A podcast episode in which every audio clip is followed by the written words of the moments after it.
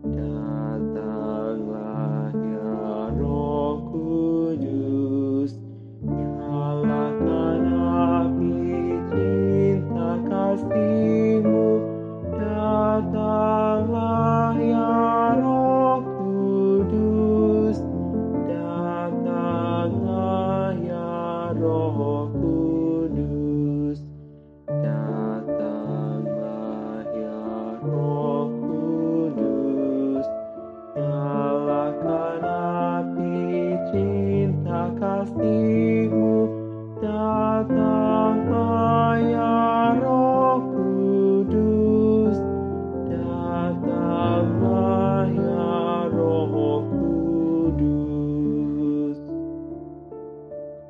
ayat 31 sampai 36. Siapa yang datang dari atas adalah di atas semuanya. Siapa yang berasal dari bumi termasuk pada bumi dan berkata-kata dalam bahasa bumi. Siapa yang datang dari sorga adalah di atas semuanya. Memberi kesaksian apa yang dilihatnya dan yang didengarnya. Tetapi tak seorang pun yang menerima kesaksiannya itu. Siapa yang menerima kesaksiannya, ia mengaku bahwa Allah adalah benar. Sebab siapa yang diutus Allah, dialah yang menyampaikan firman Allah, karena Allah mengaruniakan rohnya dengan tidak terbatas. Bapa mengasihi anak dan telah menyerahkan segala sesuatu kepadanya. Barang siapa percaya kepada anak, ia beroleh hidup yang kekal. Tetapi barang siapa tidak taat kepada anak, ia tidak akan melihat hidup, melainkan murka Allah tetap ada di atasnya. Yohanes 3 ayat 31 sampai 36 menyatakan siapakah Allah melalui diri Yesus Kristus melalui karyanya di dalam dunia ini. Ketika kita mengenal Allah yang dinyatakan di dalam Yesus Kristus, maka kita akan melihat kemuliaan Allah yang dinyatakan melalui Yesus Kristus. Ketika kita mengenal Dia, maka kita akan diubahkan jadi serupa dengan Dia. Dari anugerah ke anugerah yang lebih besar, yang menjadikan kita makin serupa dengan Kristus. Ketika kita mengenal Dia, bersekutu dengan Dia, memiliki relasi dengan Dia, hidup kita sendiri diubahkan hari demi hari menjadi serupa dengan Kristus. Dan inilah hal yang sangat praktikal.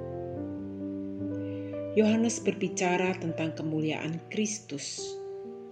Tetapi apa relevansinya dengan hidup kita? Apa hubungannya ajaran tentang kemuliaan Allah ini dengan kenyataan hidup yang kita hadapi?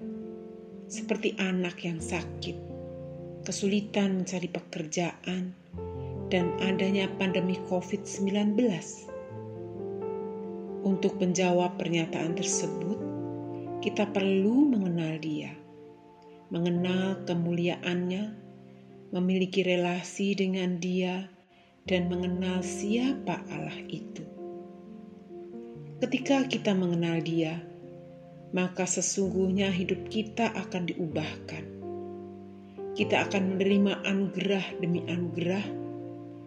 Tuhan akan membentuk hidup kita, memberikan kita visi, pengertian, dan bijaksana dalam kehidupan yang real, sehingga hidup kita diarahkan ke arah yang benar.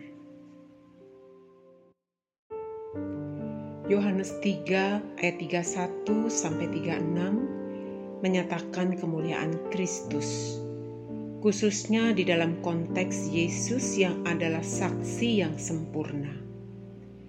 Yohanes 3 ayat 32 mengatakan, Ia memberi kesaksian tentang apa yang dilihatnya dan yang didengarnya. Hal pertama yang harus ada pada saksi adalah saksi itu harus hadir sendiri di tempat kejadian itu. Dia ada di situ, menyaksikan peristiwa itu sendiri. Kristus adalah pribadi yang datang dari surga. Yohanes 3 ayat 31 mengatakan, Siapa yang datang dari atas adalah di atas semuanya. Siapa yang berasal dari bumi termasuk pada bumi dan berkata-kata dalam bahasa bumi. Siapa yang datang dari surga adalah di atas semuanya. Malam ini kita hendak bersama-sama berdoa, khusus untuk lembaga-lembaga agama dan para pemimpin agama. Kita awali dengan menaikkan doa Bapa kami dalam nyanyian bersama berikut. Mari kita berdoa.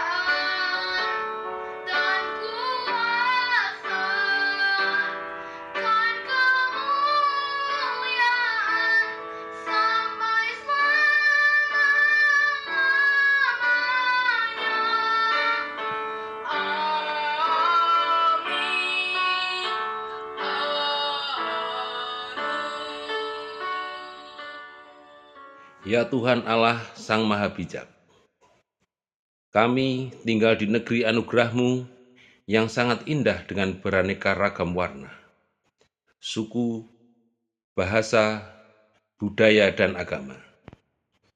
Saat mengalami krisis akibat sebaran COVID-19, serentak kami dari berbagai warna bersatu hati untuk menghadapi badai pandemi ini.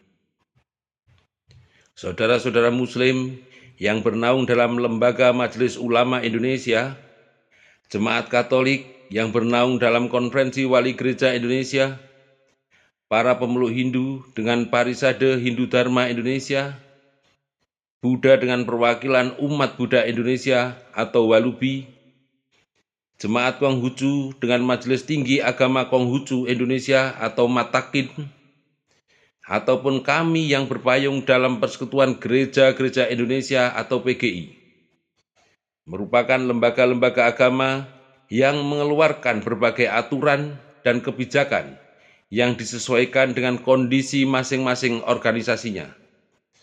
Namun seluruhnya mengacu pada satu tujuan, yaitu melawan bencana ini. Ya Tuhan Allah Sang Maha Bijak, berkati lembaga-lembaga agama tersebut agar memiliki kebijakan yang dapat didengar dan diikuti oleh masing-masing pengikutnya. Dalam pengasihanmu kami mohon. Tuhan,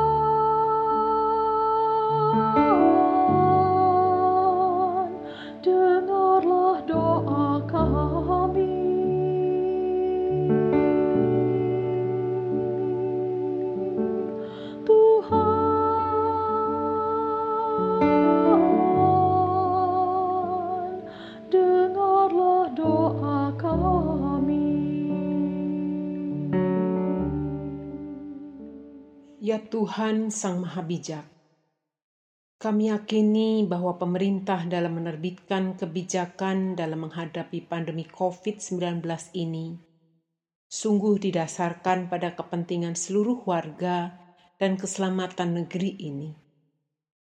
Oleh karena itu, kiranya Engkau juga berkenan memberkati lembaga-lembaga agama dalam mengeluarkan kebijakan-kebijakan agar tetap sejalan dengan kebijakan pemerintah, sehingga kebijakan tersebut tepat bagi pengikutnya dalam menjalankan ibadah.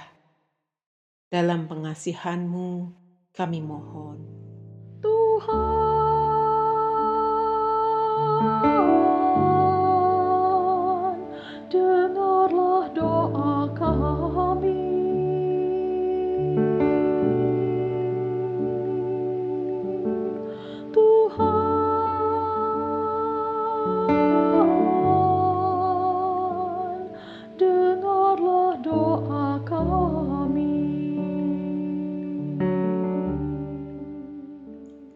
Ya Tuhan yang Maha Bijak, kami menyadari dan mengalami sendiri betapa tidak mudahnya bagi setiap orang menghadapi situasi bencana berat ini. Kami juga menyadari bahwa para pemimpin agama sendiri adalah bagian dari umatmu yang terdampak.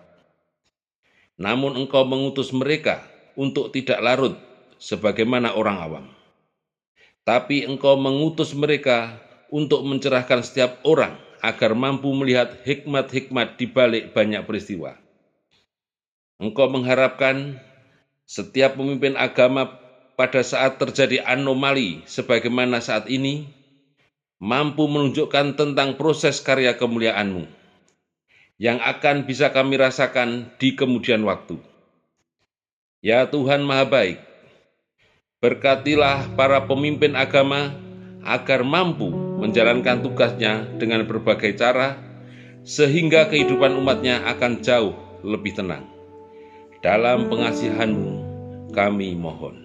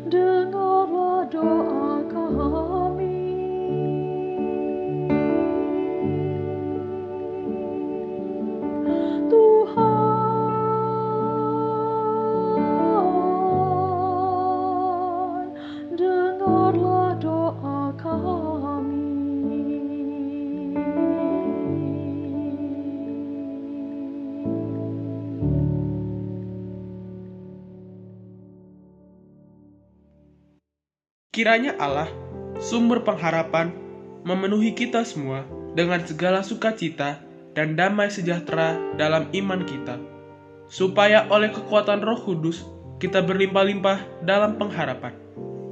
Selamat malam, selamat beristirahat. Tuhan menjaga kita semua.